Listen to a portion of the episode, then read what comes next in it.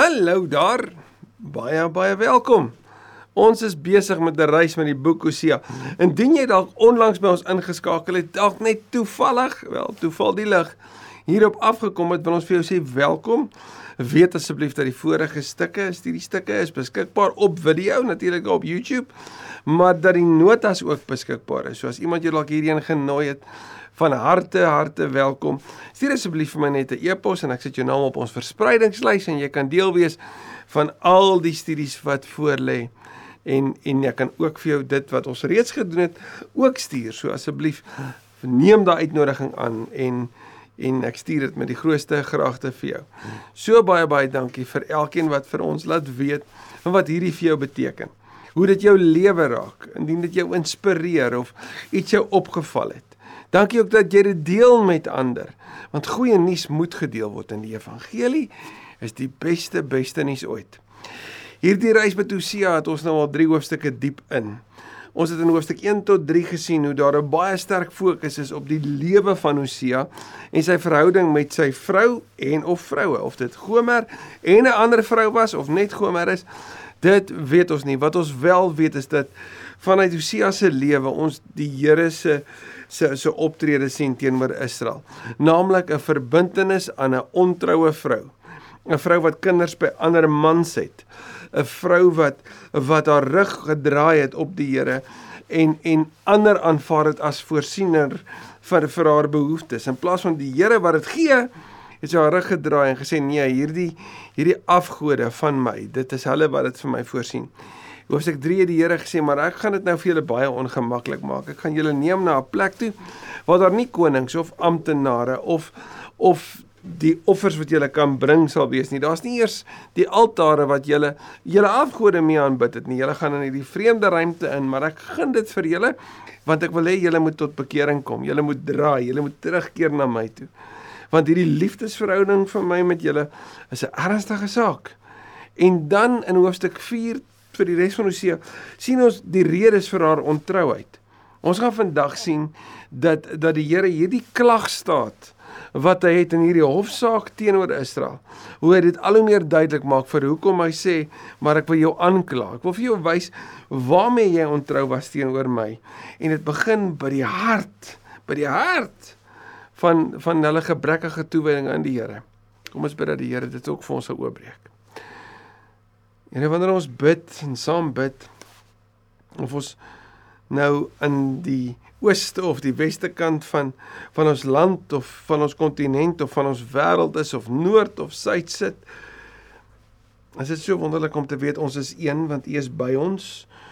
Aan die ander kant wanneer ons bid dan kom kom verklaar ons daarmee Here dat ons afhanklik is van U, afhanklik van U insig en die wysheid en die inspirasie ook afhanklik Vader om te hoor wat U wil vir my lewe vir vandag is. Hierdie geleentheid wat ons het nou, kry ons nooit weer nie. Mag ons dit daarom met ons volle volle lewe aangryp. Dis die eerste keer wat ons dit hoor en en daarom bid ek so kom doen wat net U kan doen in hierdie oomblik met ons in Jesus se naam. Amen. Hosea 4 Die opskrif die priesters het die Here verlaat. So die regsaak word nou ingelei vers 1 Israeliete. So julle van die noordryk luister na die woord van die Here want hy kla die inwoners van die land aan. En hier begin dit. Eerstens die redes vir hoekom dit gaan soos dit gaan. Omdat trou liefde en toewyding aan die wil van God in die land ontbreek. Hoor mooi. Daar staan nie omdat daar feeste ontbreek nie omdat daar godsdienstige praktyke ontbreek nie omdat daar bepaalde liedere ontbreek nie of gewoontes ontbreek nie. Daar staan hartsake trou liefde en toewyding wat aan die wil van God. Nie trou liefde en toewyding aan die godsdiens of die praktyke of die gewoonte nie maar aan die wil van God. Omdat dit ontbreek en kyk 'n bietjie gerus wat sê um, die die Spreukeboek in hoofstuk 3 oor liefde en trou. Gaan kyk Eksodus 34 vers 6 hoe God beskryf word rondom liefde en trou. Nou, trou, liefde en toewyding aan die wil van God in die land ontbreek en hier's die gevolge daarvan. Het vervloeking, valsheid, moord, diefstal en egbreek hand oor hand toegeneem en is die vergieting van onskuldige bloed anders gestel bloedbad aan die orde van die dag. Hierdie sondes van van vervloeking, valsheid, moord, diefstal, egbreek is deel van die tweede tafel van die 10 gebooie. Die 10 gebooie wat ons sien in Eksodus 20 het 'n agterstorie, 'n 'n ander betekenis ook. Behalwe dat dit die 10 gebooie is, herinner dit ons ook aan wat die Hebreë die Hebreëse woord ketubah beteken. Ek wil die Jode het dit uitgespreek as ketubah in die in die ketubah of die ketuba, soos ander dit sou uitspreek, nê? Die ketubah is 'n opsomming of 'n versameling of as jy wil 'n beskrywing van die huwelikskontrak tussen 'n bruidegom en 'n bruid. So wanneer God Israel uitlei uit uit slawerny uit, hulle deur die see bring en hulle bring by Sinai, dan bind hy homself in huwelikstaal aan Israel met die ketubah.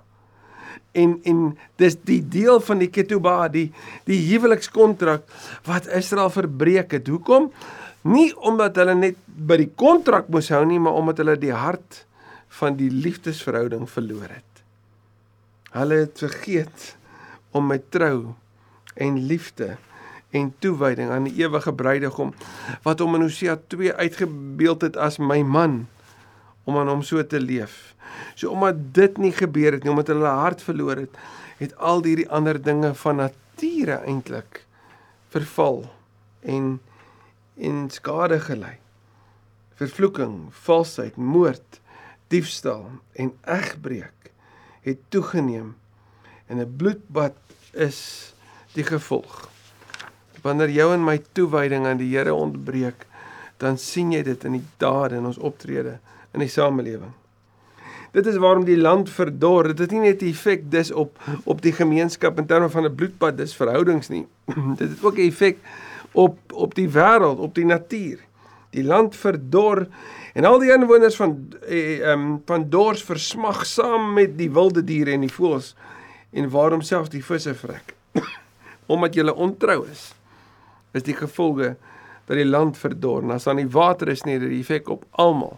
Nou in die wêreld van die van die Bybel en veral dan in die wêreld van Hosea is daar geglo dat die koning se toewyding is sigbaar in hoe dit met die land gaan. So as die koning 'n toegewyde aan die Here is, toegewy aan Jahwe leef, dan sal jy dit sien in die seën wat die land beleef. Nou weet ons Rehoboam 2, Jerobeam 2, ekskuus, was 'n slegte slegte koning geweest. Die koning in tye van van Hosea se opskrywings van sy 25 jaar se se preke. Nou as Jerobeam 2 so sleg was, sê jy mos die gevolg sien in die land en dis presies wat hier gebeur. Die land verdor en die wilde diere, die voëls en selfs die visse is aan die vrek. Niemand word ligtelik aangekla en tot verantwoording geroep nie. Maar ek gaan jou mense aankla, priester. Niemand word gewoonlik ligtelik tot 'n hofsaak geroep nie. Wat sê Romeine 3 vers 12 dat almal het gesondig en hierdie sonde is nie 'n ligtelike saak nie. Dit betrek almal. 3 vers 23 sê dat almal het gesondig en is ver van God af en en almal is ek en jy. So gaan lees gerus Romeine 3. En hulle word tot verantwoording geroep. En wat sê die Here? Maar ek gaan jou mense aankla. Dis dis interessant dat die priester hoor jou mense. Met ander woorde, die mense vir wie jy verantwoordelik is. Die mense na wie jy moes kyk. Dit klink presies soos die aanklag teen die priesters van Maleagi. Gaan lees gerus Maleagi 2 vers 5 tot 7 vir meer hieroor. God is die aanklaer, God is die regter en God is ook die een wat die vonnis uitvoer en sorg dat dit gebeur. Die Here sê ek gaan jou mense aankla. So die ontrouheid wat gebeur in die harte van mense is sigbaar in hulle dade en en wat die priester hulle moes leer het hulle nie gedoen nie. En daarom word hulle aangekla. Jy gaan vandag nog tot 'n val kom. En die profeet gaan vannag nog saam met jou tot 'n val kom. En hy gaan selfs jou moeder om die lewe bring. So Israel, jy gaan tot 'n val kom. En priester en profeet wat baie naby aan mekaar moes wees, wat die wil van God moes verkondig wat dit nie gedoen het nie, gaan tot 'n val kom. Maar ook die moeder, met ander woorde die ganse Israel, niemand word uitgesluit nie. God se oordeel is volledig. En vannag want die aand was die teken van die duisternis. Die aand was die simbool van magteloosheid. En dis waar die Here sê dit gaan gebeur. Waar jy blootgestel is. Ek dink byvoorbeeld aan Prediker 4 vir meer daaroor. My volk gaan onder omdat hulle nie aan my toegewy is nie. Nou, dis Maleagi 4 vers 6. Ag, ag Hosea 4 vers 6. Gaan kyk 'n bietjie wat sê Sagaria 4 vers 6. My volk gaan ten gronde weens 'n gebrek aan kennis. En en en die kennis, daar is natuurlik die kennis van die wil van die Here. Maar hier kom Hosea en hy sê, maar is dis die die die rede wat hy sê vir die val van die volk is is nie 'n kennis ding nie. Dis ook nie 'n godsdienstige praktyke ding nie of gewoontes ding nie. Dis 'n hartsding. My volk gaan ten gronde omdat hulle nie meer aan my toegewy is nie. En nou gee die Here die rede daarvoor. Die rede vir hoekom daar nie toewyding in die harte van van die Israeliete is nie, is omdat hulle wat verantwoordelik was daarvoor om te sorg dat die toewyding moet gebeur, nie hulle taak nagekom het nie. Omdat jy jou taak om hulle aan my toe te wy verwerp het, verwerp ek jou as my priester. En die toewyding in die wêreld van Israel het gebeur deur die Torah, deur die voorlesing van God se wet, van hy ketubah, maar ook van God se wil. Die priesters het die Israeliete gelos om te doen wat hulle wil. En ons gaan nou sien hoe hulle daaruit gebuit het. Hulle het 'n stelsel geskep wat wonderlik goed en gemaklik vir hulle gewerk het. Wat gemaak het dat Israel hulle harte vir die Here verloor het. Dit is 'n verskriklike aanklag teenoor die priesters van Hosea se tyd. Omdat jy die wil van jou God verontagsaam het, verontagsaam ek die priesters wat onder jou dien so die hoofpriester of die die belangrik verstaan die priester en dan wat onder hom is Maleagi 5 tot 7 beskryf dit. En nou kyk ons na hierdie massas priesters want al hierdie priesters was moes kyk na na die mense onder hulle wat moes seker maak dat hulle die Here dien, het nie hulle werk gedoen nie. En nou sien ons hoe meer priesters daar is, hoe meer sondig hulle teen my. So die aantal priesters help nie. Dis nie om nooit nog priesters by te sit nie, want die hart is daarmee heen. Ek sal die aansien wat hulle geniet in vernedering verander. Net soos in die tye van Maleagi. Die priesters wat daarop geroem het dat mense hulle as priester aanspreek wat mense bepaalde offers bring na hulle toe waarvan hulle 'n deel geoffer en 'n deel vir hulle self gehou het letterlik buit gehou het. Hulle het munt geslaan uit die sonde van ander. Het jy ooit dit gehoor? Veral binne 'n godsdienstige ruimte wat presies die teendeel moes skep het hulle munt geslaan uit die sonde van ander sodat die ander hulle sonde moes kom bely deur middel van 'n offer te bring en hulle het van daai offers vir hulle self gehou. Nou sê die Here, ek gaan daai aansien wat jy in mense se oë gehad het, ek gaan dit verander. Hulle teer op die sonde van my volk. Hulle smag daarna dat die volk nog meer moet sondig. Hoe hartseer is dit? Sonde die volk moet sondig sodat hulle offers kan bring. Hoe meer offers, hoe meer wins vir ons. Hoe meer wins vir ons, hoe meer moedig ons die sonde aan. Hoe meer sonde, hoe meer offers. Hoe meer offers, hoe meer wins vir ons. En so loop hulle hierdie baie bose kringloop. Vir die Israeliete het dit gewerk want hulle kon maak net wat hulle wil. Al wat hulle moes sorg is om te sorg dat hulle genoeg offers bring. Hulle hoef nie hulle harte in dit in te sit nie. Hulle hoef nie hulle lewens te verander nie. Hulle hoef nie nee te gesê het vir die sonde nie, want daar's 'n boetedoeningssisteem wat hulle gewete kon sis. Verder kon hulle net aankarring net soos wat hulle wil. Daar was nêrens 'n appel op 'n heilige toegewyde lewe aan die Here nie. Maar dit sal met die priesters gaan soos dit nou met die volk gaan. So die priesters, julle gaan presies wat julle daar sien, gaan met julle gebeur.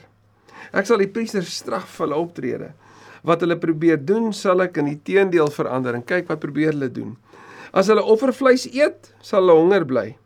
En as hulle aan tempelprostitusie deelneem, sal hulle nie kinders hê nie. So die priesters het 'n baie vervronge beeld van aanbidding aanbidding geskep. Naamlik prostitusie wat by die tempel sou gebeur sodat daar kinders verwek word. En die Here sê dit sal nie gebeur nie. Dit wat julle in die oog het, gaan nie gebeur nie. En die tempelprostitusie kom nie uit die wêreld van Jahwe nie. Want dit kom nie uit die wêreld van die tabernakel en waarin daar aanbidding vir God gebring word nie. Nee, dis uit hierdie heidense wêreld wat te doen het met 'n klomp misbruik van drank en saam met die drank 'n klomp welles en seks en en en prostitusie. Dit was ver verwyder van wat God se bedoeling was en hulle het dit so lekker vermeng in hierdie kombinasie van jawisme amper en ballisme wat wat Israel se kultuur geword het. En dit het vir hulle lekker gewerk. Dit het hulle gepas. Here sê ek gaan einde hieraan maak. Omdat die priesters die Here verlaat het en dis tragies dat hulle die Here verlaat het om hulle toe te lê op tempelprostitusie en omdat wyn en drank hulle lewe in beslag neem Soek my volk leiding by 'n stuk hout. Verwag my volk dat 'n stok dinge aan hom moet bekend maak.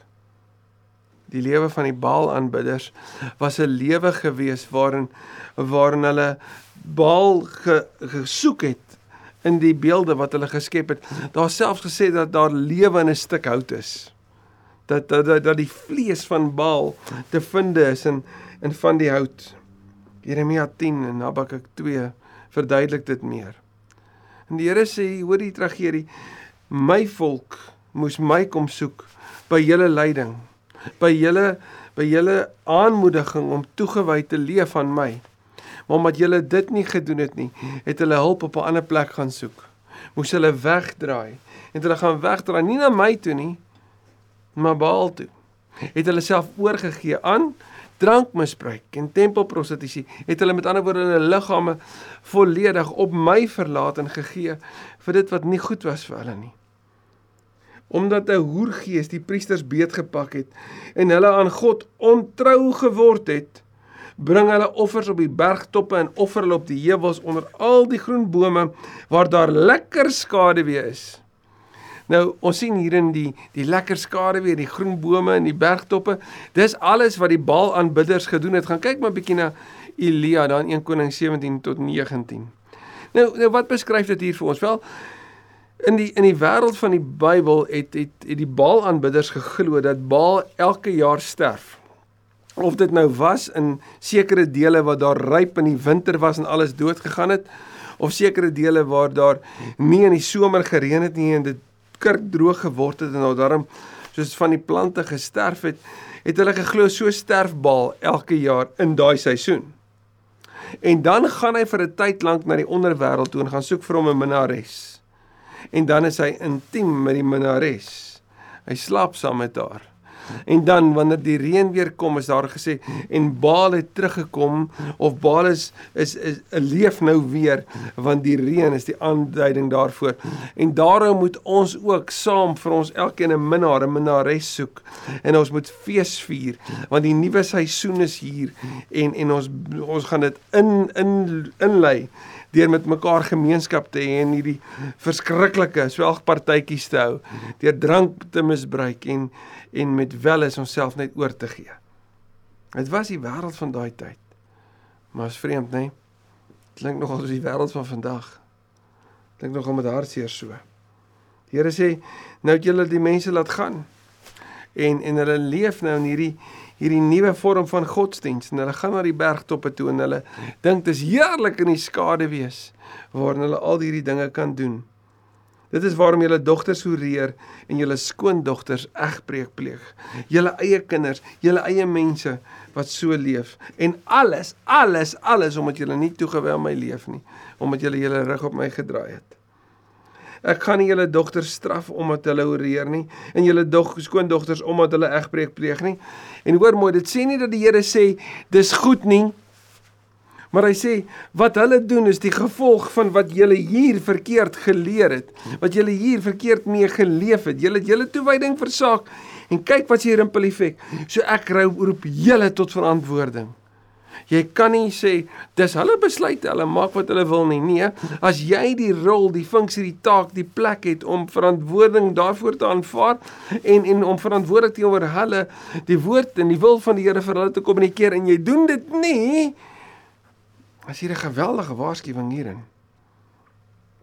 Die Here sê ek gaan hulle nie straf nie, want daardie priesters is besig om met hoere af te paar en saam met die tempelprostituie te offer. Daardie priesters het 'n vermenging van godsdiens geskep waar alles gaan en dit almal pas. En die verlore gemeenskap is die gevolg daarvan.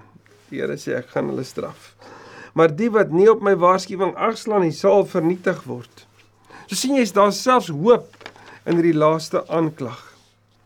Vers 15: As jy oreer Israel, moet Juda dit ook nie ook doen nie. So in die waarskuwing teenoor Israel sê die Here, maar Juda moet dit nie navolg nie. Anders gesê, Juda leer uit Israel se foute. Moenie net leer uit jou ou eie foute nie. Ander se foute is 'n baie goeie les. Leermeester, leer daar. Juda, julle moenie die heiligdom by Gilgal besoek en na Bet Aven toe gaan nie.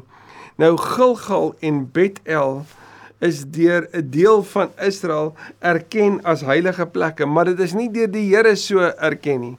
Nee, die die heilige plek was die tempel in Jerusalem. En daar's nie meer soontoe gegaan nie. Nee, hulle sommer gaan offer by Betel en by Gilgal. Nou Betel beteken die huis van God. Maar hier sien ons dat Betel word nie genoem nie. Daar word Gilgal genoem, maar daar word genoem van Bet Aven en Bet Aven is die huis van onreg. So wat die Here sê is dis onregverdig. Dis nie reg dat jy offer op die plekke wat nie aan my toegewy is nie. Wat jy besluit het nou gaan werk nie. Ons gaan net maar hier offers doen. Ons gaan nie meer tempel toe gaan nie. Ons gaan nie al daai pad toer en en almal dit saam doen nie. Nee, ons doen sommer ons eie dingetjie. Hierdie kan werk hier een kant, hier by Gilgal en by Betel. Die Here sê nee, dis nie Betel nie, dis Betaven. Dis die huis van onreg, dis nie die huis van God nie en julle moenie daar eet aflê in die naam van die Here nie. Maleagi 1 vers 10 vertel meer vir ons. Vers 16 Israel is so koppig soos 'n moedswillige koei. Moet die Here hulle dan nog versorg soos 'n herder sy skape in die veld versorg? Israel as jy so hardkoppig is, hoekom verwag jy van my om jou nog te versorg? En die interessante is wat gebeur is wanneer die ongemak kom, dan sal die mense sê, "Maar Here, wat het U nou gedoen? Hoekom het U ons verlaat?" Ons sien Israel altyd gesê dat die Here hulle herder is. Ons ken Psalm 23, Psalm 80. Jesus praat van homself as die goeie herder in Johannes 10. So dis eie aan die die taal van Israel van die Here as herder. Maar herder lei skape. En skape lei na die luister na die stem van die herder. Maar 'n moedswillige koei, hy volg sy eie kop. Hy stap sy eie pad. Hy's nie gewillig om deur die herder gelei te word soos wat skape wel is nie. Efraim is verknog aan afgodsbeelde. Laat hom maar sy gang gaan. Efraim, die die stam wat gerebelleer het. Sê die Here, hulle is verknog aan hierdie afgodsbeelde. Laat hy maar die gevolg kry vir sy keuse. Wanneer sy regerders klaar gesuip het, dis 'n verskriklike woord. Maar dit wys op die misbruik van drank. Wanneer hulle klaar gesuip het, net soos wat 'n koei sou suip by water, is hierdie die mense wat hulle oorgee aan drank. Want hulle klaar gesuip het, hoe reer hulle op groot skaal. Hulle het skande hartstogtelik lief. Hierdie woord hartstogtelik klink soos 'n liefdesverhouding. Hulle sê in Efraim gaan dit so sleg dat hulle 'n liefdesverhouding het met drank en seks. Met die oorgee van my liggaam aan die beheer letterlik van alkohol en die uitleef van alles waarvoor ek lus is. 'n Stormwind het vir Efraim in sy mag sodat hy in die skande sal kom oor sy offers. Natuurlik die offers wat hy bring aan die afgode. Hierdie stormwind is die woord ruach en ruach beteken natuurlik wind of gees. So dit sê daar's daar's een of ander iets wat is wat wat vir Efraim in sy mag het. En julle dit moet ons maar eerlik vir mekaar sê. In vandag se wêreld is daar nogal die jy hoef nie ver te gaan om te sien wat die effek is van van drank en seks op mense se lewe nie. In die wêreld van die van die aanlyn platform sal dit sal dit waarskynlik drank en en pornografie wees. Goed wat sigbaar en maklik bekombaar is. Goed wat jou so kan gryp dat jy verslaaf raak daaraan dat jy dit nie kan laat gaan nie. As dit waar was dat die Here dit in Hosea se tyd sê, dis nie sy hart vir ons nie. En dat die die gevaar of die oorsaak waarskynlik van dit is 'n gebrek aan toewyding aan die Here. En ek wil amper sê een tree terug, 'n gebrek aan liefde en trou. is die pad na genesing vir jou en my dan nie juis om terug te draai en ons liefde en trou vir ons bruidegom te herontdek nie. Om terug te draai en opnuut te sê, Here, maar ek wil toegewy aan die lewe en alles wat ek doen. En om ons rug te draai op die afgodsbeelde in ons lewe, wat dit ook al kan wees. Want hy verdien ons eerste liefde. Volgende week meer. Dankie Here Jesus dat daar genade is by u troon. Here ek is baie baie deeglik bewus daarvan dat daar ook in vandag se wêreld sogenaamde leraars is. Ek sê sogenaamd want hulle matig hulle die die titel aan maar wat hulle verkondig is nie die waarheid nie. Wat hulle verkondig is nie heilige toewyding aan U nie. Wat hulle verkondig is is soos sappige karring maar net aan soos wat jy wil boodskappe boodskappe wat ons nie oproep tot 'n heilige lewe en dieper toewyding aan U nie maar eerder boodskappe wat sê man hoe meer jy hiervan doen hoe lekkerder is dit so leef jou hierin leef jou hierin daar's genade dankie dat daar genade en waarheid by U is Here Jesus Die waarheid is ons is sondig. Ons het U nodig. Ons kan onsself nie red nie. Kom en soos Dawid skryf in Psalm 51, kom skep in ons 'n reine hart, o Here, kom vernuwe ons gees. Moes asseblief nie van ons afvallig staan nie. Moenie ver staan nie. Trek ons nader. Want ons is vol sonde, met sonde belaai toe ons moeders swanger geword het. Maar in U, soos Romeine 5 sê, is daar 'n nuwe erfenis. Daarom wil ons dit aanneem. Dit wat Christus in ons plek kom doen het. Ons wil dit aanvaar. So vra was ons skoon, maak ons rein. Sodat ons in heilige toewyding vol liefde en trou aan U kan leef. Vandag en elke dag. In Jesus se naam. Amen. Amen. Ek hoop jy het 'n besondere mooi dag.